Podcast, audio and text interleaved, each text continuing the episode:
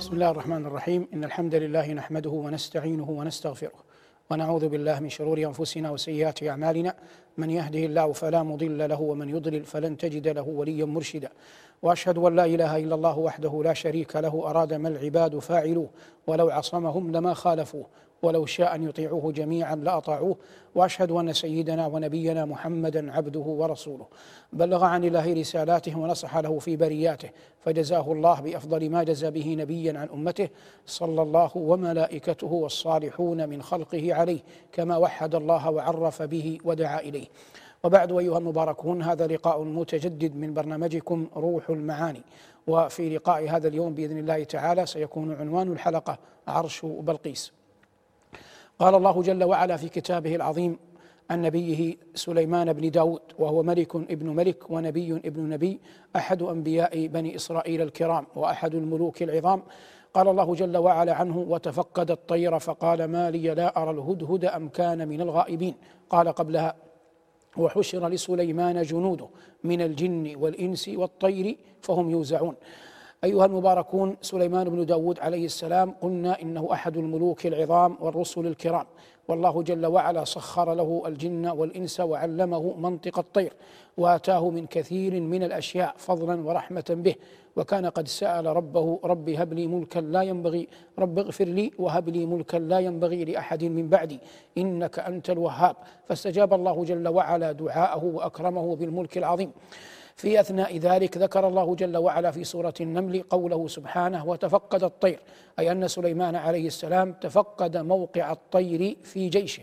وقد قال قبلها بآيتين وحشر لسليمان جنوده من الجن فبدأ بالجن لأنهم أقوى ثم الإنس ثم الطير. وللطير نبأ عجيب في كلام الله تبارك وتعالى مع أنبيائه ورسله لو تأمن لو تأمناه. فنجد عيسى بن مريم عليه السلام عندما ينفخ في هيئة من الطين ينفخ في هيئة الطير فيكون طيرا بإذن الله. ونجد الخليل إبراهيم يوم أن قال رب أرني كيف تحيي الموتى؟ قال أولم تؤمن؟ قال بلى. ولكن ليطمئن قلبي؟ قال فخذ أربعة من الطير فصرهن إليك. واجعل على كل جبل منهن جزءا. ونرى كيف أن الله جل وعلا لما حمى مكة من أبرهة وجيشه قال وأرسلنا قال ألم تر كيف فعل ربك بأصحاب الفيل؟ ألم يجعل كيدهم في تضليل وأرسل عليهم طيرا أبابيل؟ والنبي صلى الله عليه وسلم ذكر التوكل وهو من أعظم العبادات القلبية فقال لو أنكم تتوكلون على الله حق توكله لرزقكم كما يرزق الطير تغدو خماصا وتروح بطانا. ولما ذكر الشهداء عليه الصلاة والسلام أخبر أنهم في حواصل طير خضر فهذا يكل هذا كله يدل على أن للطير نبأ عجيبا في كلام الله جل وعلا وفي كلام رسوله صلى الله عليه وسلم. هنا يتفقد سليمان عليه السلام جيشه وجنده وكل أحد يولى أمر إما أن يأخذه بحقه أو أن يتركه. فكان نبي الله على أنه يوحى إليه وفي ملك عظيم ويعلم منطق الطير وسخر الله جل وعلا له الجنود ومع ذلك كان يتفقد الجيش ولا يكل هذا إلى أحد إلا في أضيق الأحوال. ففي أثناء إحدى تفقده لجيشه كما قال ربنا وتفقد الطير فقال ما لي لا أرى الهدهد أم كان من الغائبين.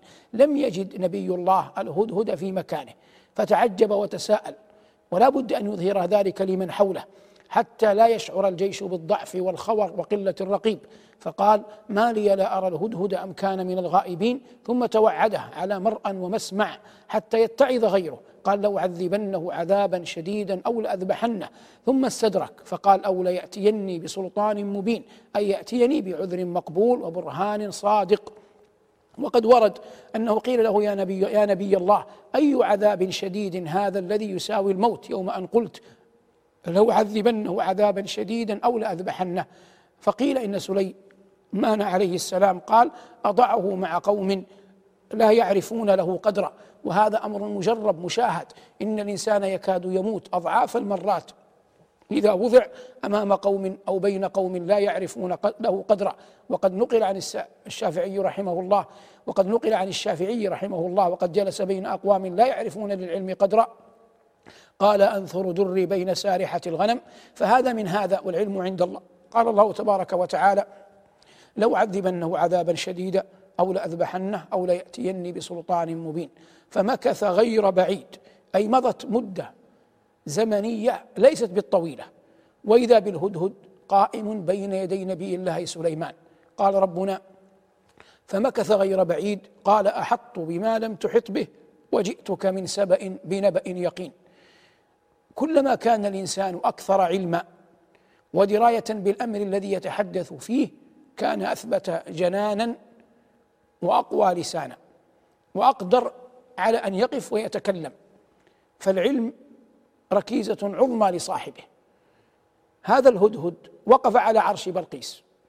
فلما اطلع عليهم وعرف أخبارهم وعلم أن هذا غائب أن هذا غائب عن سليمان عليه السلام قال هذه المقولة أحط بما لم تحط به.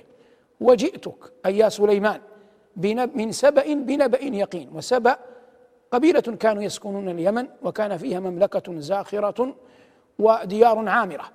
وجئتك من سبأ بنبأ يقين. سماه يقين لأنه وقف عليه بنفسه. لم ينقل إليه ولم ترويه الأسانيد. وإنما شيء اطلع عليه بنفسه وقف هو عليه أي الهدهد. قال أحط ما لم تحط به وجئتك من سبأ بنبأ يقين. هذا ماذا؟ هذا إجمال. شرع بعد الإجمال في التفصيل. قال إني وجدت امرأة تملكهم أي أن الملك فيهم مسند إلى امرأة وليس إلى رجل.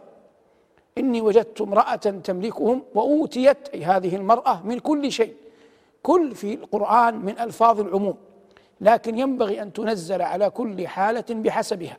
فقوله جل وعلا هنا حكاية عن الهدهد أنه قال وأوتيت من كل شيء أي مما جرت أن يم العادة أن يملكه الملوك.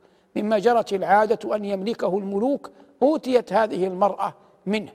كقول الله تبارك وتعالى تدمر كل شيء بأمر ربها. في سورة الأحقاف أي تدمر كل شيء جرت العادة أن الرياح تدمره. بدليل قول الله جل وعلا بعدها فأصبحوا لا يرى إلا مساكنهم.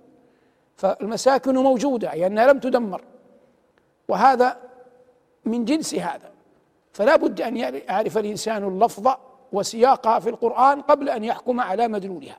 فقال الله جل وعلا هنا وأوتيت من كل شيء أي مما جرت عادة الملوك أن يملكوه. ولها أي بلقيس أي الملكة عرش عظيم.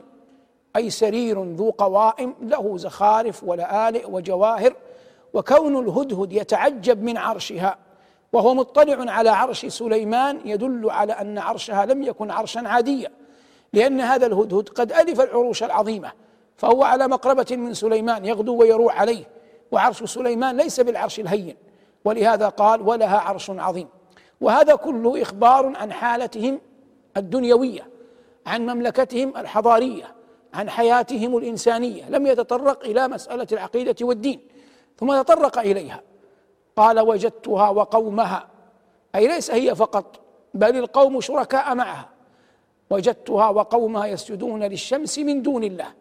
فأخبر الهدهد نبي الله سليمان أنهم يعبدون الشمس أي أنهم ليسوا أهل كتاب بل عبدة كواكب.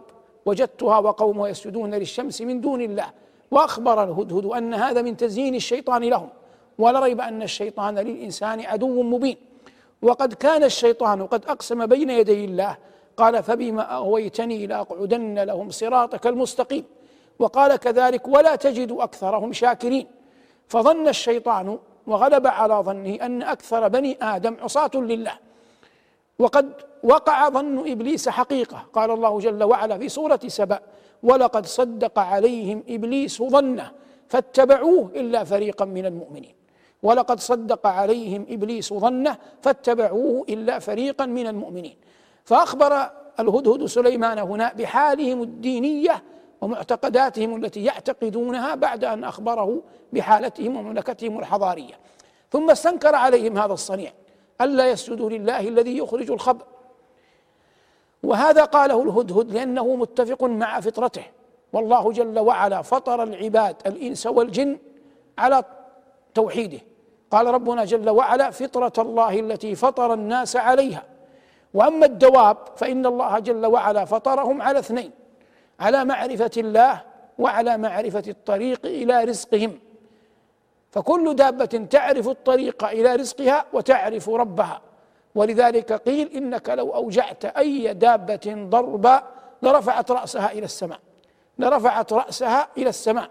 فهذا الهدهد بمقتضى الفطرة أنكر على قوم بلقيس عبادتهم للشمس من دون الله. ثم وحد ربه. قال الله لا إله إلا هو.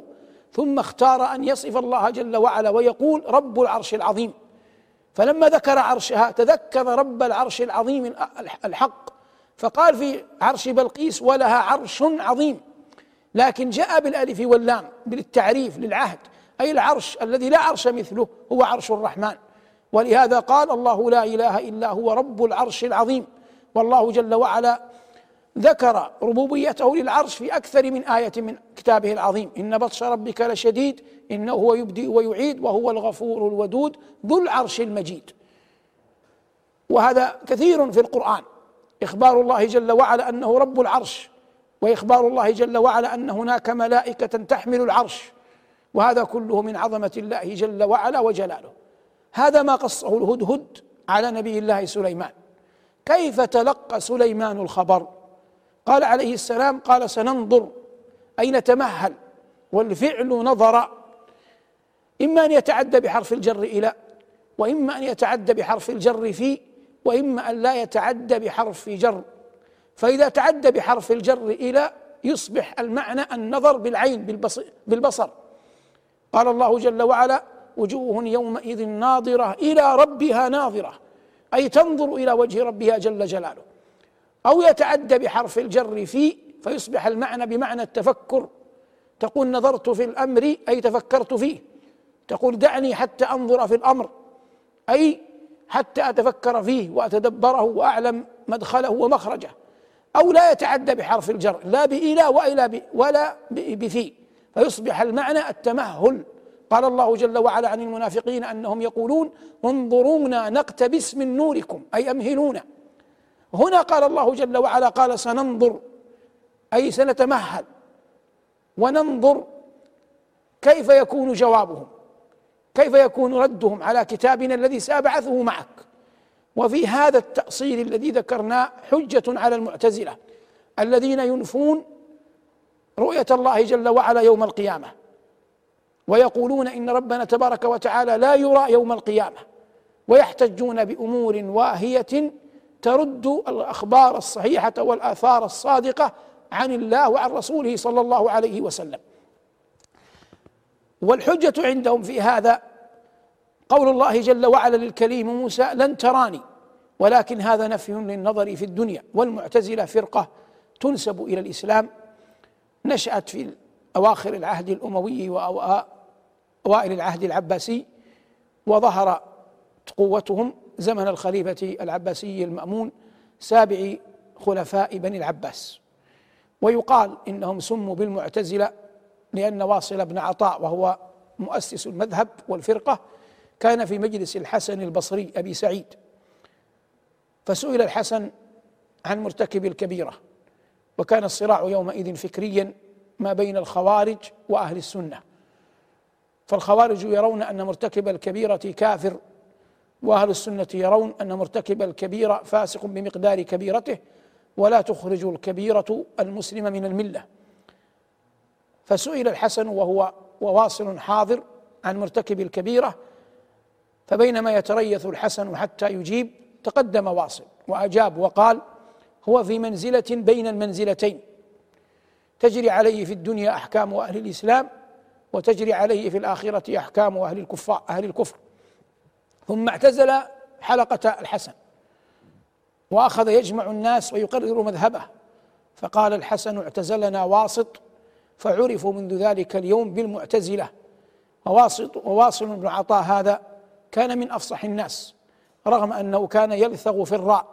فالراء على لسانه قبيحة. ومع ذلك كان يخطب الخطبة ويطيل فيها ويتحرج ويبتعد عن كل كلمة فيها حرف الراء. ومن خطبه أنه قال الحمد لله القديم بلا ابتداء الباقي بلا انتهاء. وأنت تلحظ أن في هذه المقدمة خالية كلماتها من حرف الراء. والمقصود الإعلام الثقافي والمعرفي ونحن نفسر الآيات عن بعض فرق الإسلام عند قول الله جل وعلا قال سننظر أصدقت أم كنت من الكاذبين؟ وهكذا العاقل إذا عرض عليه الأمر يتريث حتى يعلم أين موطنه قبل أن يحزم أمره ويتخذ قراره. قال سننظر أصدقت أم كنت من الكاذبين؟ اذهب بكتابي هذا. فكتب عليه السلام كتابا إلى بلقيس والعاقل والرجل يعرف من كتابه وقد قيل إن ثلاثة أشياء تدل على عقل صاحبها الرسول والكتاب والهدية. ويقصدون بالكتاب هنا الرسالة. والناس إذا وجدوا منك جميل العبارات وحسن والألفاظ الحسنة والجمل المنتقاة دل هذا على عقلك. أحدهم بعث بهدية إلى أحد الملوك من الجواهر فقال له امولاي أهديت حضرتك التي على كل نفس بالنفائس تؤثر بقية هذا العقد مني تطفلا إليك وهل يهدى إلى البحر جوهر؟ وآخر يبعث إليه برسالة فيرد على من بعثها إليه. وصل الكتاب فلا عدمت أناملا خطت به حتى تمخض طيبا فكأن موسى قد أعيد لأمه أو ثوب يوسف قد أتى يعقوبا فقال نبي الله هنا اذهب بكتابي هذا فألقه إليهم ثم تول عنهم فانظر ماذا يرجعون. فأخذ الهدهد الكتاب من سليمان وذهب به إلى أرض اليمن ووضعه عند عرش بلقيس وتنحى قليلا كما يصنع اليوم في العرف الدبلوماسي. فلما رأت الكتاب ورأت الطريقة التي سلم بها الكتاب جمعت قومها. قال الله جل وعلا فألقه إليهم ثم تولى عنهم فانظر ماذا يرجعون. قالت يا أيها الملأ إني ألقي إلي كتاب كريم. إنه من سليمان وإنه بسم الله الرحمن الرحيم ألا تعلوا علي وأتوني مسلمين. خطاب مقتضب الكلمات لكنه غني بالمدلولات. وقد قيل إن سليمان بدأ باسمه إنه من سليمان حتى يكون ذلك أوقع في قلبها لأنها ليست من أهل كتاب تعرف الله أو تعرف الرحمن. فبدأ بنفسه على أنه ملك حتى يشعرها بالخوف وينتصر عليها بالرعب. وقد تحقق مقصوده. قال إنه من سليمان وإنه بسم الله الرحمن الرحيم ألا تعلوا علي وأتوني مسلمين أي داخلون أي داخلون في الدين. قالت يا أيها الملأ أفتوني في أمري. ما كنت قاطعة أمرا حتى تشهدون والشورى من دلائل كمال العقل وقد جاء بها الدين وشاورهم في الأمر إلا أنه اختلف. هل الشورى ملزمة للوالي المسلم والحاكم المسلم أم غير ملزمة؟ وظاهر فعل الصديق رضي الله عنه أنها غير ملزمة لأن الصحابة رضي الله تعالى عنهم بعد وفاة النبي صلى الله عليه وسلم كان أكثرهم على أن لا يقاتل أبو بكر المرتدين وكان أبو بكر لوحده وربما أفراد معه على أن يقاتلوهم. ومع ذلك لم يقبل أبو بكر آراء عمر ومن ومن معه من الصحابة ولم يقبل آراءهم في مسألة قيادة جي أسامة لجيش للجيش الذي كان النبي صلى الله عليه وسلم يريد أن ينفذه. فهذا كله من القرائن والعلم عند الله أن المشورة غير ملزمة. لكن بلا شك أن الإنسان كلما أخذ بالرأي واستعان بأهل التجربة ممن يغلب على الظن أنهم ناصحون له عركتهم الأيام وطحنتهم الليالي وعرفوا وجربوا الدهر وحلبوا أشطريه. هؤلاء أهل لأن يستشاروا ويؤخذ برأيهم ثم يكون التوفيق من عند الله. قالت يا أيها الملأ وأفتوني في أمري ما كنت قاطعة أمرا حتى تشهدون. فغلب عليهم الحماس والشدة. قالوا نحن أولو قوة وأولو بأس شديد. والأمر إليك فانظري ماذا تأمرين. وقولهم والأمر إليك فانظري ماذا تأمرين يدل على فرط طاعتهم لها وعلى خضوعهم لملكها وعلى أن طاعتهم لها طاعة مستديمة وأنهم لأمر ما الله أعلم به كانوا يقرون لها بالملك. والأمر إليك فانظري ماذا تأمرين. فكأنها عاتبتهم على التعجل في الجواب والتسرع في الخطاب. قالت إن الملوك إذا دخلوا قرية أفسدوها. أي إنه جرت العادة أن الملوك إذا دخلوا بلدة قهرا وقصرا. فإنهم لا يبتغون إلا الملك السابق قبلهم. وإنكم قد تنجون قد تنجو أنتم ولا أنجو أنا. فإنهم لا يريدون إلا أن يصلوا إلى ملكي. فأنا التي سأصبح من الأذلاء بعد أن كنت من النبلاء. ولهذا قالوا قالت قالت إن الملوك إذا دخلوا قرية أفسدوها وجعلوا أعزة أهلها أذلة. فصدقها الله جل وعلا. قال وكذلك يفعلون. أي هذا مما جرت به السنن. ولا يختلف عادة في الغالب. وكذلك يفعلون. ثم بينت لهم عن الطريق الذي تراه والسبيل الذي ستتخذه. قالت وإني مرسلة إليهم بهدية فناظرة بما يرجع المرسلون. ولا ريب أن القلوب لا تستطلب ولا تستجدى بأعظم من الهدايا. فالهدايا تشيع فالهدية تشيع المحبة. والنبي صلى الله عليه وسلم أهدي إليه وأهدى وكان إذا أهدي إليه يثيب مهديه بأكثر مما أهدى يثيب مهديه بأكثر مما مما أهدى ولهذا قال الله تبارك وتعالى هنا وإني مرسلة إليهم بهدية فناظرة أي متمهلة متريثة في أمري بما استفهامية بما يرجع المرسلون. فعزمت على هذا الأمر. فإن قبل الهدية في غالب ظنها فهو رجل يطلب دنيا. نقدر على قتاله أو نقدر نقدر على مصانعته. وإن لم يقبل الهدية فهو حق النبي كما يزعم يوم أن قال وأتوني مسلمين. فبهذا تعرف ما وراءه. وهذا من دلائل فطنتها ودرايتها بالتعامل مع الملوك. وإني مرسلة إليهم بهدية فناظرة بما يرجع المرسلون. قال ربنا فلما جاء سليمان أي وصلت الرسل الذين بعثتهم بلقيس إلى سليمان فلما جاء سليمان قال أي سليمان أتمدونني بمال؟ تصانعونني بالمال؟ تريدونني أن أكف عن الدعوة؟ هيهات هيهات.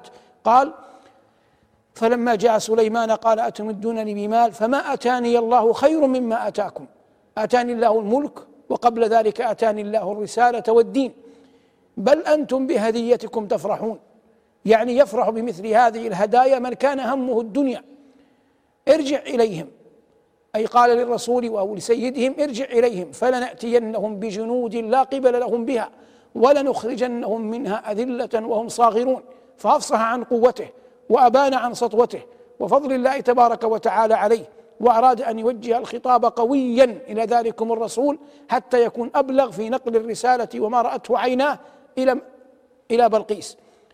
ولنأتينهم بجنود لا قبل لهم بها ولنخرجنهم منها أذلة وهم صاغرون. ثم بدأ لنبي الله أن يرى فضل الله جل وعلا عليه ونعمته تبارك وتعالى إليه فقال يا أيها الملأ أيكم يأتيني بعرشها قبل أن يأتوني مسلمين؟ فكان عليه السلام على عرشه وحوله خدمه وحشمه. فسألهم هذا السؤال طلب منهم هذا المطلب فاختصم عنده اثنان. قال الله جل وعلا قال عفريت من الجن. ووصفه بأنه عفريت يدل على قوته وتمرده وعلى سلطانه لأن كلمة عفريت لا تطلق إلا على الأقوياء جدا من الجن. قال عفريت من الجن أنا آتيك به أي بعرش بلقيس. من أرض اليمن إلى أرض الشام قبل أن تقوم من مقامك أي قبل أن ينتهي هذا المجلس وقبل أن ينفض حالك وقضاؤك. وإني عليه لقوي أمين أي ذو قدرة وذو أمانة. ذو قدرة في أن آتي بالعرش وذو أمانة لا أغير فيه شيئا ولا أسلبه أو انقص أو أنقص منه. قال الذي عنده علم من الكتاب واختلف في من هو هذا الذي عنده علم من الكتاب على أقوال عدة. قيل إنه جبريل وهذا بعيد. وقيل إنه سليمان نفسه وهذا أبعد. لأن السياق يأباه كما قال السهيلي رحمه الله وغيره. وقيل إنه رجل من الإنس اسمه آصف بن برخيا آتاه الله اسم الله الأعظم. أعطاه الله اسمه الأعظم. وأنه صلى ركعتين ودعا باسم الله الأعظم. وعندي أن هذا مرجوح. إذ يبعد أن تكون المسألة بهذا الوصف. إذ يبعد ولا ولا يعقل أن يكون رجل في الأمة أعلم بالله من نبيها أعلم بالله من نبيها. فكيف يكون مع آصف هذا؟ اسم الله الأعظم وسليمان وهو نبي يوحى إليه. لا يعلم اسم الله الأعظم فيأتي به من غير أن يأتي به أحد غيره. والأظهر والعلم عند الله أنه جني أوتي علما. جني أوتي علما حظا من العلم الشرعي وحظا من القوة البدنية. قال الذي عنده علم من الكتاب وايا كان أنا آتيك به أي بعرش بلقيس قبل أن يرتد إليك طرفك. ففي لمح البصر وجد نبي الله سليمان عرش بلقيس بين يديه. فقال متذكرا فضل الله عليه هذا من فضل ربي. ليبلوني أأشكر أم أكفر؟ ومن شكر فإنما يشكر لنفسه ومن كفر فإن ربي غني كريم.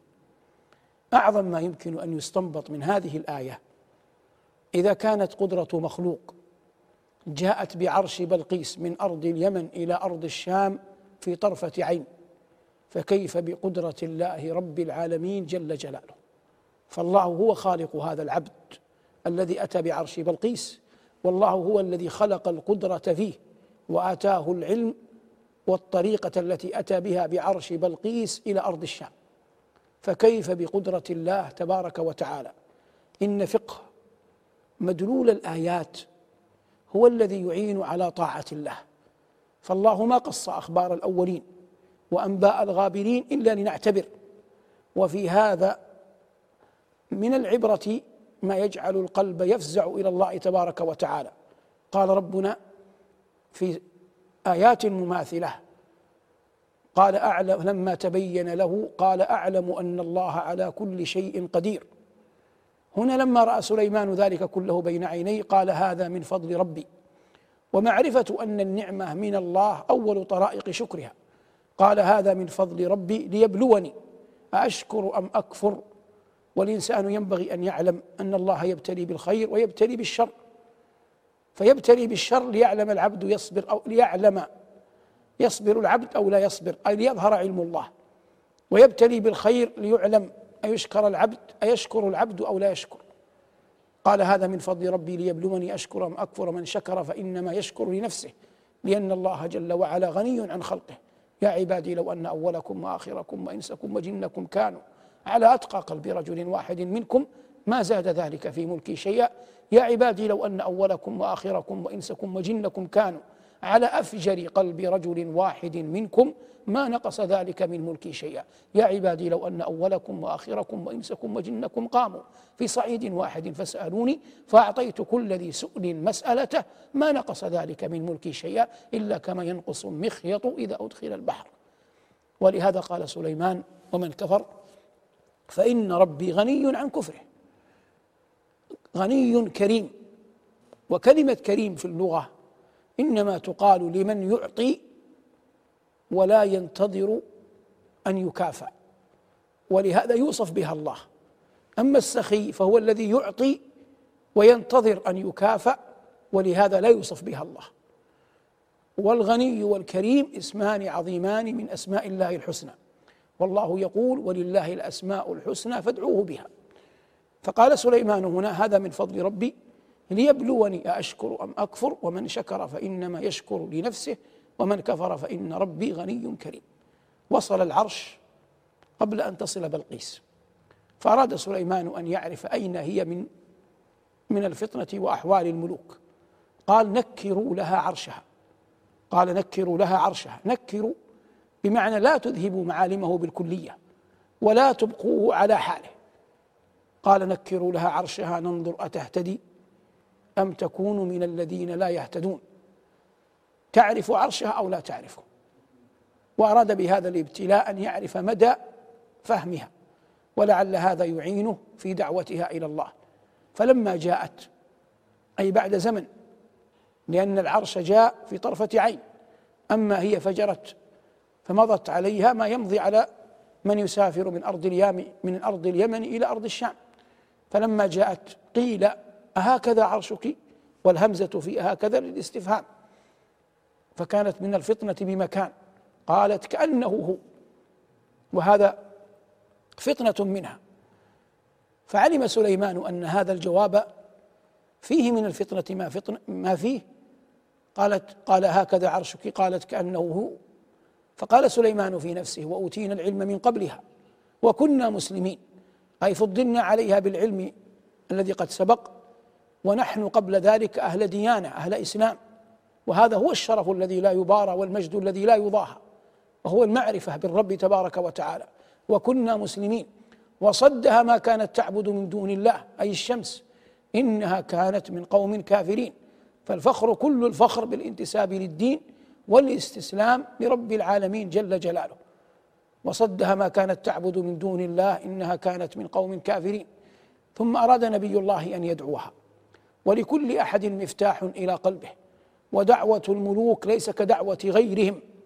وكل أحد هناك طريق إلى الوصول إلى سويداء قلبه. إن أراد الله به الهداية. وإلا أحيانا لا يكون الله قد أراد بذلكم العبد الهداية. فمحال أن ينفع معه نصح إن كان الله يريد أن يغويه. ونبينا صلى الله عليه وسلم كان يقف في مسجده على منبره وهو أفصح العباد وأشدهم إخلاصا وأكثرهم علما وأعظمهم خشية. ومع ذلك يسمعه المنافقون فلا يتغير منهم شيء. نسأل الله العافية. وهذا يدل على أن الهداية بيد الله. فلا يلام من يدعو إلى الله إذا أخذ بالأسباب لأن الهداية الخاصة بيد رب العالمين جل جلاله والله أعلم بأحوال وقلوب عباده. الله يقول يهدي الله لنوره من يشاء والمراد من هذا كله أن نبي الله اتخذ طريقا يليق بدعوة الملوك. قال الله جل وعلا في كتابه العظيم وصدها ما كانت تعبد من دون الله إنها كانت من قوم كافرين قيل لها ادخل الصرح بنى لها صرحا عظيما وقصرا ممردا من قوارير ولا عهد لها بهذا البناء لأن هذا البناء غير مألوف. فهي تعرف الجص والطين والحجارة لكنها لا تعرف صرحا ممردا من قوارير. الإنس لا يقدرون على هذا. فكان الصرح ممردا مبني في البحر بحيث لا يشك الرائي أنه بحر سواء. قيل لها ادخلي الصرح. فلما رأته أي الصرح حسبته لجه أي حسبته موجا وبحرا من الماء نفسه فكشفت عن ساقيها. تريد أن تتقي الماء كما جرت عادة كل من يمشي في الماء. فما صنعته أمر بدهي أمام ما توهمته فكشفت عن ساقيها. هنا قال لها نبي الله إنه صرح ممرد من قوارير. أي ما كان لك ما كان هذا ماء محضا. وإنما صرح ممرد من قوارير. وقد بي تبين لنا من قبل عظيم فطنتها في أحوال عدة ففقهت بهداية الله لها أن هذا الصرح محال أن تبنيه الإنس وأن الجن بنته وأن الجن لا يمكن مع قوتها ونفوذها أن تخدم أحدا من الإنس هذه الخدمة إلا أن يكون الله جل وعلا بقدرته وسلطانه ورحمته قد سخرها قد سخرهم له. فعرفت يقينا أن سليمان نبي.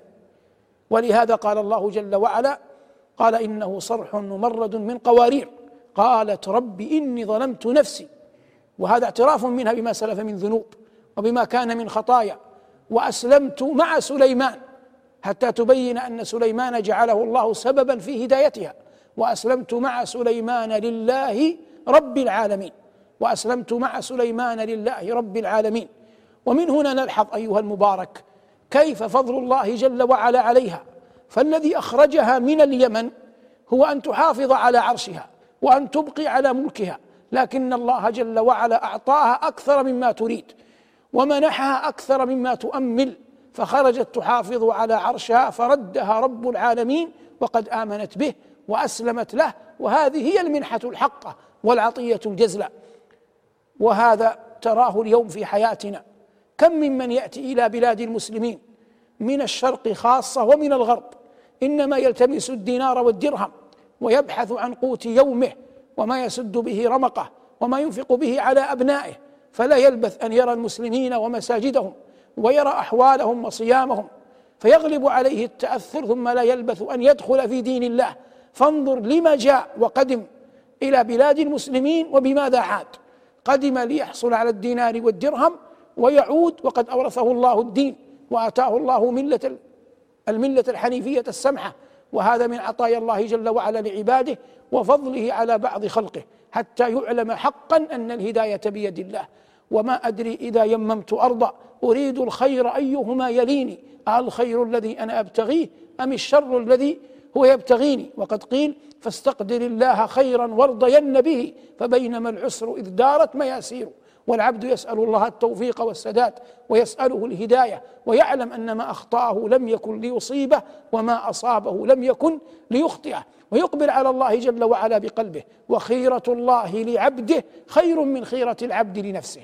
وخيرة الله لعبده خير من خيرة العبد لنفسه. خرج موسى يلتمس جذوة من النار فعاد وهو نبي ورسول وصفي وكليم الواحد القهار. خرج يلتمس جذوة من النار فعاد وهو نبي ورسول وصفي وكليم الواحد القهار. كل ذلك لحسن ظنه بربه. يوم أن خرج من أرض مصر قال عسى ربي أن يهديني سواء السبيل. وهذا هو حسن الظن بالله الذي يورث العطايا والمنن. فهذه المرأة بلقيس خرجت من أرض من أرض اليمن لا تريد إلا أن تصانع سليمان وتحافظ على ملكها. فإذا الله جل وعلا يرزقها الدين وصحبة الصالحين والإستسلام لرب العالمين جل جلاله. قالت رب إني ظلمت نفسي وأسلمت مع سليمان لله رب العالمين. فما أعظم عطايا الله وما أجزل منحه ومواهبه. نسأل الله أن يرزقنا وإياكم من فضله. أيها المباركون هذا ما تيسر اراده وتهيأ اعداده وأعان الله على قوله حول قول الله جل وعلا وتفقد الطير وتحدثنا فيه عن عرش بلقيس والله المستعان وعليه البلاغ. صلى الله على محمد وآله والحمد لله رب العالمين.